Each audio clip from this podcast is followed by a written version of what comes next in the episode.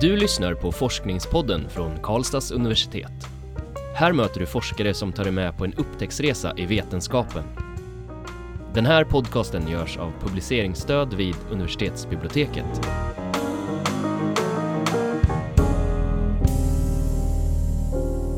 Hej och välkomna! Mitt namn är Magnus. Jag heter Nadja. Med oss i studion har vi arbetsterapeuten och eh, doktor i psykologi Anna-Karin Olsson. Varmt välkommen Anna-Karin! Tack så hemskt mycket. Eh, vi ska prata med dig om din forskning som handlar om patienter med schizofreni. Och till att börja med så tänkte jag att schizofreni är kanske en sjukdom som många har hört namnet på eh, men som man kanske inte riktigt har koll på vad det är för någonting. Så kan du börja med att berätta lite kort vad, vad det är för sjukdom?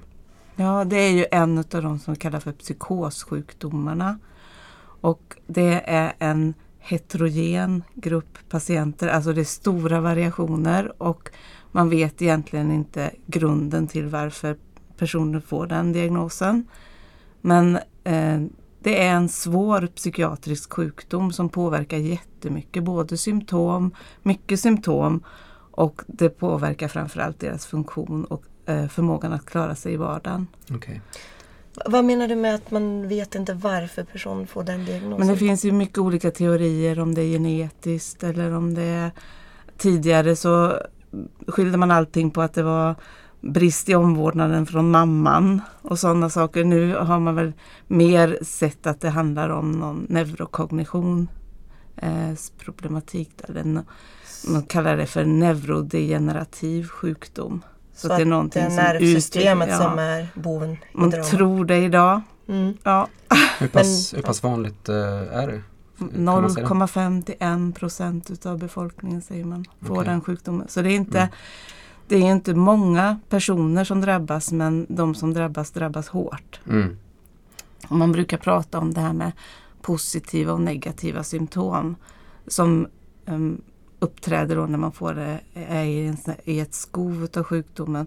Då man får ja, positiva symptom är det här att det tillägg att man kan se saker, höra saker som inte finns och man tappar verklighetsuppfattningen. Och negativa symptom är mer det som sen är kvarstående även när man inte är i akut läge. Då kan man fortfarande ha det svårighet med att ta initiativ och komma igång mm. med saker och svårigheter att driva sin vardag. Så man ser att de här patienterna de ja, uppnår sällan sådana livsmål som vi andra klarar av med utbildning, arbete, boende, familj. Okay. Sådana saker. Så att, ja. Är det vanligt att sjukdom uppträder i unga år redan? Eller? Ja, det det. man säger att det debuterar oftast. Eh, lite skillnad mellan män och kvinnor säger man. Eh, men, men runt ja, 18 och uppåt. Mm. Eh, innan 30 kvinnor lite senare så då tror man kanske att det är därför som fler kvinnor kan ha lyckats lite bättre, kommit lite längre i utvecklingen med, ja, varit inne på arbetsmarknaden, kanske till och med skaffat någon relation och familj och så. Mm. Mm. Om vi då närmar oss din avhandling, vad är det du undersöker för någonting i den? Jag försökte att hitta ett bra sätt att beskriva det här med förmågan att klara vardagliga aktiviteter. Och då gick jag in på ett eh, begrepp som kallas för funktionskapacitet. Eh, för att försöka mäta och beskriva patientens vardagsförmåga. Eh, och funktionskapacitet är egentligen då att man tänker sig att man kan mäta det i en klinik eller på en klinik. Ehm, man kan mäta det utan att behöva följa patienten i dess vardag om man säger så. För det är både svårt och, och ehm, kostsamt mm, ja. om man säger så. Mm. Man skulle eh, behöva nästan som gå med patienten hela tiden för att förstå hur den faktiskt klarar sig i vardagen.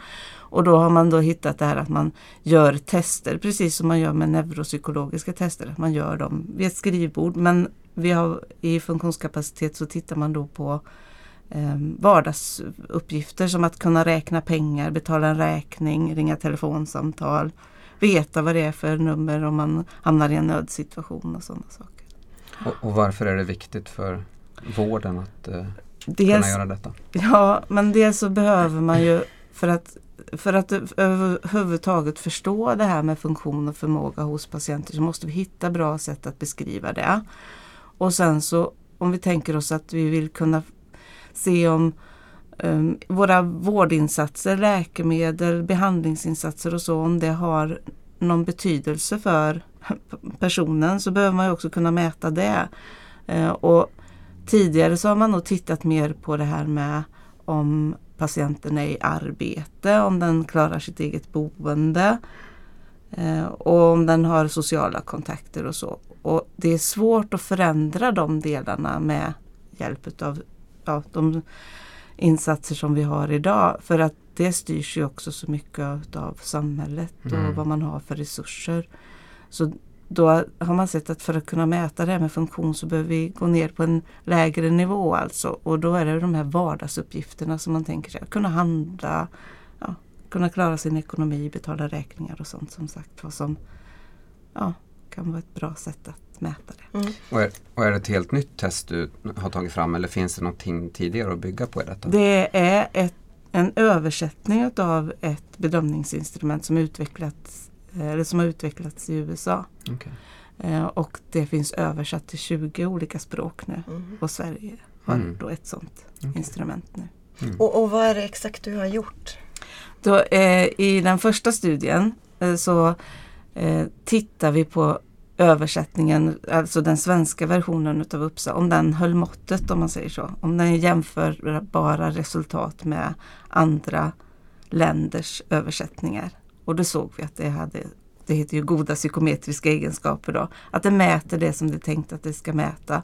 Och det mäter ungefär likadant eh, om flera olika gör testerna.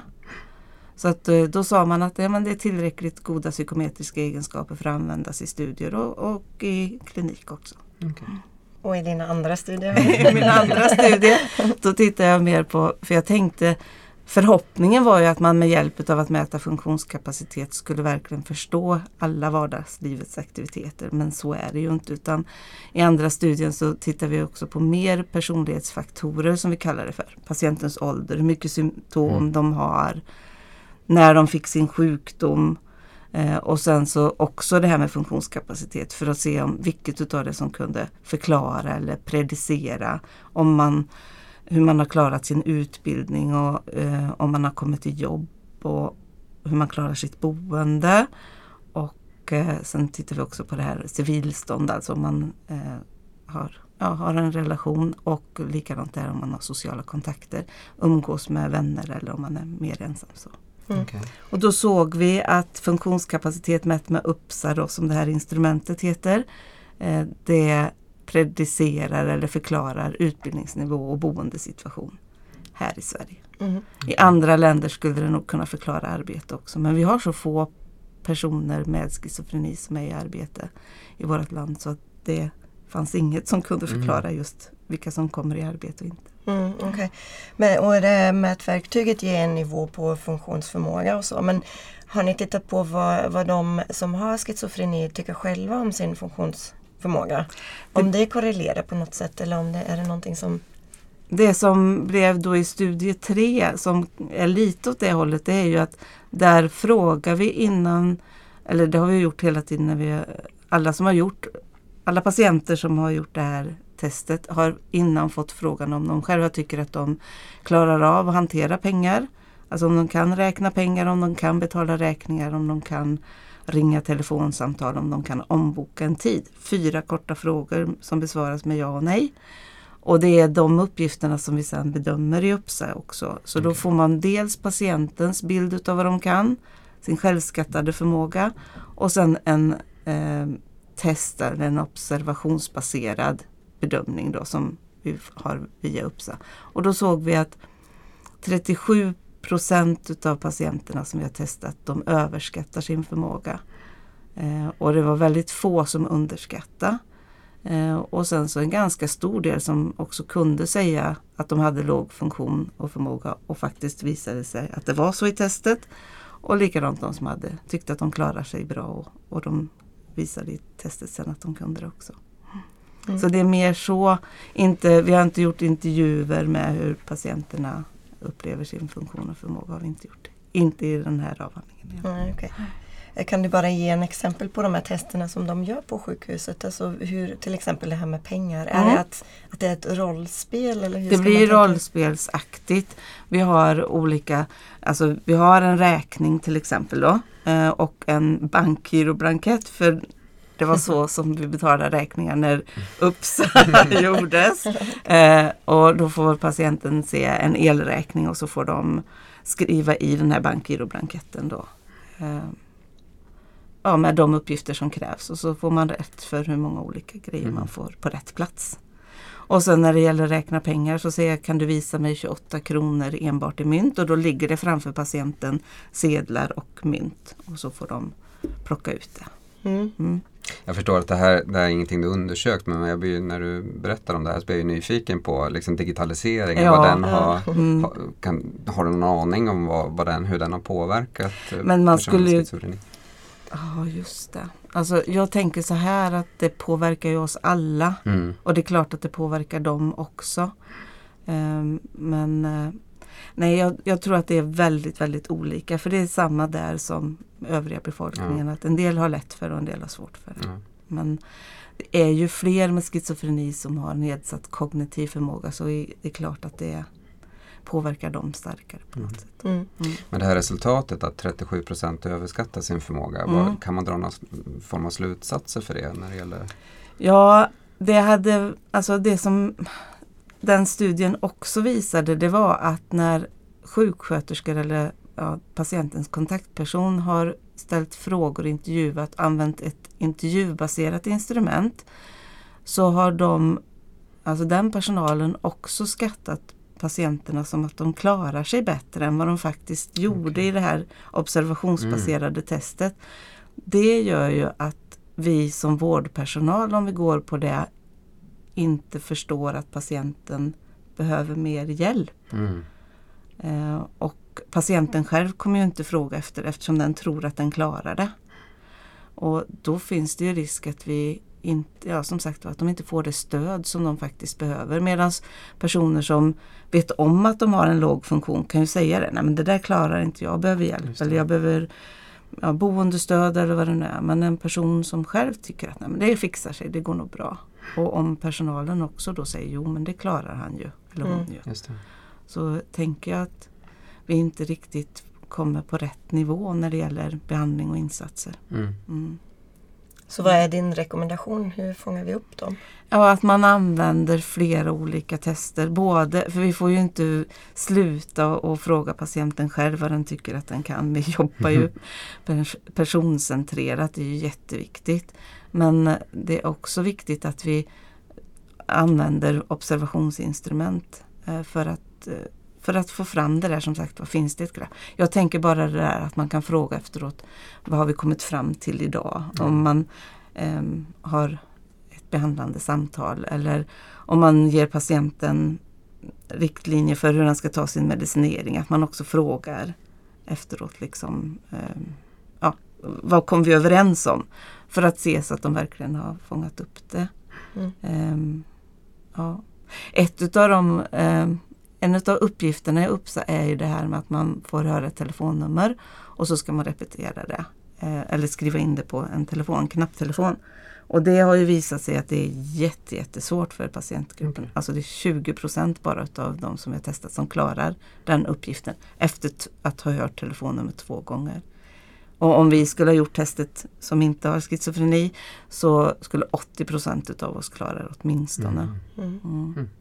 Så det är en sån där, också en sån där lätt uppgift tänker jag. Mm. Jag läser upp ett telefonnummer för dig och du får skriva in det i din mobil. Eh, Så ser man bara där liksom hur lätt eller svårt personen har för att ta in verbal information. Ja. Mm. Ja, om du ska sammanfatta dina resultat i avhandlingen, vad är, vilka är de viktigaste tycker du? Det viktigaste tycker jag det är att det här bedömningsinstrumentet UPSA, den svenska versionen, det är tillräckligt bra för att använda. Det går ganska så snabbt och det är lättanvänt. Eh, och sen så att det bidrar till att vi får en ökad förståelse om vi tar in det här med observationsbaserade instrument. Sen är det, tycker jag, jätte, jätteviktigt det här delen med att eh, vi lätt överskattar de personer som själva presenterar sig som att de har en god förmåga. Så därför så behöver vi som sagt använda både observation och intervju för att kunna ge dem en bra vård. Mm. Eh, jag funderar lite på mer generellt sådär, hur, hur ser det ut med vården av eh, schizofreni eh, sjuka i Sverige? Hur pass långt har vi kommit? Går det att säga någonting om det? Eller är vi i lindan eller har vi kommit en mm. god bit på väg? Det har ju gjorts två stycken sådana där nationella riktlinjer för hur vi ska behandla personerna och vi tar in hela tiden ny, nya behandlingsmetoder och så. Så jag tycker ändå att det, finns, det görs mycket försök. Man satsar ändå mycket på patientgruppen. Sen så om man då tittar på hur de faktiskt klarar sig i sin vardag och så vidare så ser vi ju att det är fortfarande så att det här är en patientgrupp som dör väldigt mycket mm. tidigare. De har 20 års kortare livslängd eh, medellivslängd än normalbefolkningen om vi kallar mm. oss andra för det. Då. Eh, och det är ganska otäckt tycker jag. Mm. Eh, och när man ser att de dör inte utav självmord, de dör utav vanliga sjukdomar. Eh, som hjärt-kärl och så vidare. Så som vi andra också gör fast senare. Okay. Varför tror du att det är så? För att jag tror att de förväntas klara sig i sin vardag precis som andra. Man ska själv ringa och säga att nu behöver jag en läkartid. Man ska själv eh, säga nu behöver jag förnyade recept, nu behöver jag kontroll. Och de, i och med att de har kvar mycket av de här negativa symptomen så är det svårt för dem att ta de eh, initiativen. Ja, precis. Mm. Ja. Aha, så, du, så du tror att det kan vara att de inte får behandling i tid då? Att mm, de lever att de med en sjukdom ja. länge utan att det görs några åtgärder? Jag tror att det är i alla fall en del utav mm. förklaringen. På mm, det. Okay. Ja. Sen kan det kanske finnas något annat som jag inte vet. Men, ja. men jag tänker att det skulle kunna förklara en del. Ja. Du sa att du, du jobbar som arbetsterapeut mm. eh, och du nämnde lite grann det här med att eh, kanske många schizofrenisjuka inte kommer ut i arbete så mycket och så. Mm. I, I, Sverige kanske jämfört med att, om jag fattar det rätt? Eller? Mm. Eh. Eh, I Sverige har vi hög arbetslöshet och svårt, eh, det är ju svårt för många att få jobb och de här har, de personerna har ofta svårt att konkurrera. Eh, så vi har en väldigt låg procent som är arbete. I USA så var det 85 procent utav patienterna som hade arbete Aha. och i Sverige 15 när vi gjorde en jämförande studie. De hade samma symptom, samma kognition och samma funktionskapacitet. Mm. Beror det på att det finns andra typer av jobb tillgängliga ja, för USA? Då, eller? eller att man inte har vårt skyddssystem med sjukersättning och eh, sånt mm. som vi, finns i Sverige. Mm. Det, är, ja, det är svårt att svara på för jag tror att det, är många, det, ja. finns många saker att titta på där. Ja, okay. mm. jag, jag har en liten fråga också, du får rätta mig om jag har fel. Men eh, Vi hade en man i, i stan där jag kommer ifrån som eh, alltid var ute på torget när han hade dålig dagsform. Mm. Och så trodde han att han hade träffat en massa människor som eh, alltså kändisar och hade pratat med politiker och sånt. Mm. Och jag vill minnas att han hade schizofreni också men det kändes som det gick upp och ner och det var väldigt mycket beroende på medicineringen. Mm. Brukar man göra tester också och testa olika dagsformer, till exempel de som överskattar sig, de är kanske ändå ganska bra att ta sin medicin. Och då går det bra för dem. Mm. Förstår du vad jag är ute mm. efter? Liksom hur, hur mycket påverkar medicineringen? Gör man de här testerna när de är, har inte varit på någon medicin på länge eller hur? Vi försöker att göra de här testerna i stabil fas säger man för att det är då som det är mest rättvisande. Eh, om vi har en patient eller som, som är i mer, har mer positiva symptom så som du beskriver det här med mm. lite vanföreställningar mm. och hallucinationer kan det vara också. Ja. Eh, då då är det ganska onödigt att lägga tid på att göra tester för det blir ju ändå inte rättvisande på deras riktiga funktion om man mm. säger så. Så att vi gör det när de är i så stabil fas som möjligt och då är det ju en del som är, de flesta av dem har ju då sin medicinering och har tagit den också. Mm. Okej, okay. mm. så man utgår ifrån att de åtminstone ja. ätit i ja. två veckor eller något sånt? Och sen... Men vi, vi, eh, på NU-sjukvården där jag jobbar då så har vi haft ett projekt sedan 2000 som heter Clinical Long Term Investigation of Psychosis in Sweden. CLIPS kallar vi det då. Eh, och då har vi följt patienterna årligen. Så då, eh, och då, som sagt då fångar vi dem en gång om året när de är i stabil fas för att mm. göra de här testerna. Och bland annat då det här UPSA som är det här instrumentet. Mm. Mm. Blir det svar på din fråga? Ja men jag tror det. Eh, Jag bara funderade på hur, i och med att du sa att det är lite svajigt med själva sjukdomen och det kan vara olika nivåer och allting. Mm. Så, ehm, jag kan tänka mig om det är väldigt mycket variation att det helt enkelt är väldigt svårt att hitta sån här basnivå. Ja, Så det var lite det som Ja. jag... men förhoppningsvis och det vill vi ju jättegärna att patienten ska vara i stabil, så stabil som möjligt i sin sjukdom. För varje sån där skov har man ju sett leder till en försämrad Mm. funktion. Så att eh, så få skov som möjligt, så lite sånt tokeri som möjligt. Mm. Du har varit inne på det redan lite men vem hoppas du kommer att läsa din avhandling? Men jag tänker att Mm. de som gör utredningar både på patienter med schizofreni men överhuvudtaget de som gör utredningar eh, att de tittar mer på det, ja, att- det är viktigt att, att titta med många olika mått. Både självskattning, intervju och observation. Då. Eftersom vi vet att eh, alla har svårt, eh, oavsett om man är sjuk eller frisk, så har man svårt att göra eh, ordentliga bedömningar av sig själv. Man överskattar eller underskattar sig. Det låter som det här är ganska enkla tester, att det inte ska behöva vara väldigt resurskrävande eller ta mycket tid egentligen. Nej, och de här testerna är ju som sagt, de passar ju personer som har svår eh, problematik såsom schizofreni oftast är då. Eh, det är klart att om man skulle göra sådana här enkla tester på mm, oss allihopa så skulle de nog vara för lätta. Mm. Då skulle man behöva titta på något annat. Mm. okej. Mm. Hur ser det ut framöver för dig själv? Vad har du för planer för framtiden? Nej, men jag tycker det här är väldigt roligt att få forska så jag eh, tänker att jag kommer att få fortsätta att göra det en del av min arbetstid. Det jag skulle vilja gå vidare med det är att försöka förstå mer kring det här med ja, olika personlighetsvariabler när det gäller det här med överskatta, underskatta eller kunna eh, förklara sin förmåga och funktion. Så det skulle jag vilja titta mer på. Man pratar ju om något som heter grit. Det här, liksom, om du själv har väldigt så här, Är det det som gör att, Är det något sånt som har funnits med hos de här patienterna med schizofreni? Eller är det bara att man inte har testat att göra sakerna på länge så man bara tror att man Mm. kan dem. Liksom. Mm. Jag, jag har en eh, ytterligare en fråga som jag, som är mest bara eh, Jag råkade läsa en artikel i morse som handlade om eh, sömn och det här med drömmar. Mm. Eh, och då fanns en teori om att ehm, många kommer inte ihåg sina drömmar i och med att det skulle ställa till det för personer att de inte kan skilja mellan verklighet och vad de har drömt. Mm. Så att det är någon slags skyddsmekanism. Mm. Eh, finns det någon liksom, teori i samband med schizofreni? För det blir också lite Ja. att man är på en nivå som är kanske lite dröm, lite verklighet, att man inte kan skilja mellan dem. Ja.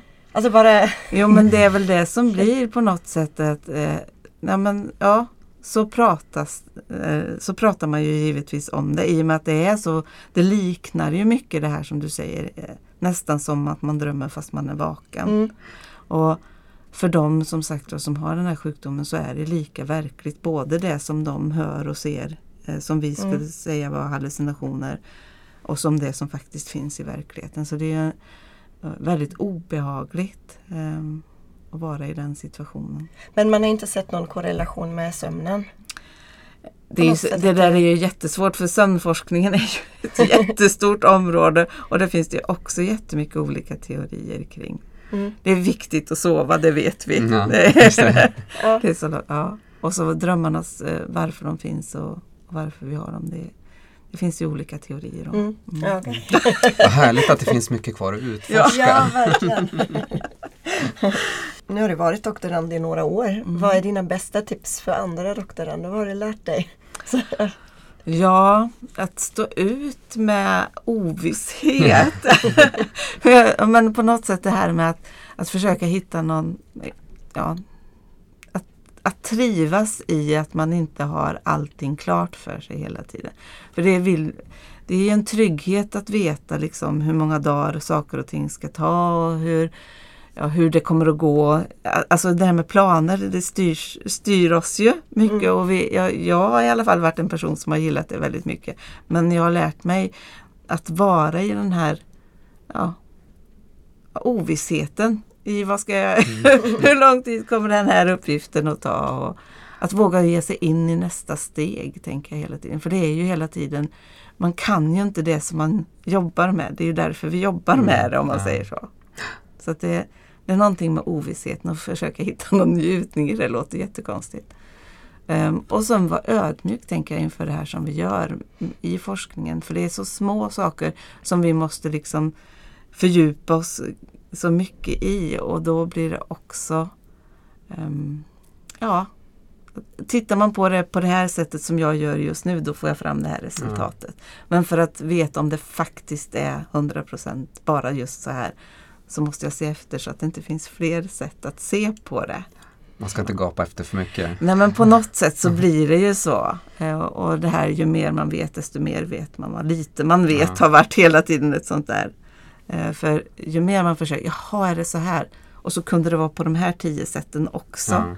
Eh, Och som sagt att, ja, att stå ut i det och njuta utav det. För det är väldigt, väldigt roligt att få verkligen gå in i någonting så här. eh, Och ägna så mycket åt tid åt, åt sånt som ja, andra människor kanske inte förstår att det är så viktigt. Ja. Så spännande. Men du har, verkar, har verkligen hittat ja, jag har haft det jätte... din nisch Ja, där. ja. Ja. Tyckte det har varit väldigt, väldigt roligt. Vad roligt. Mm. Och det var minst lika roligt att ha dig här Anna-Karin. Tack att du gästat Forskningspodden och lycka till med ditt fortsatta arbete också. Tack Ehm, och tack till alla er som har lyssnat och välkommen tillbaka.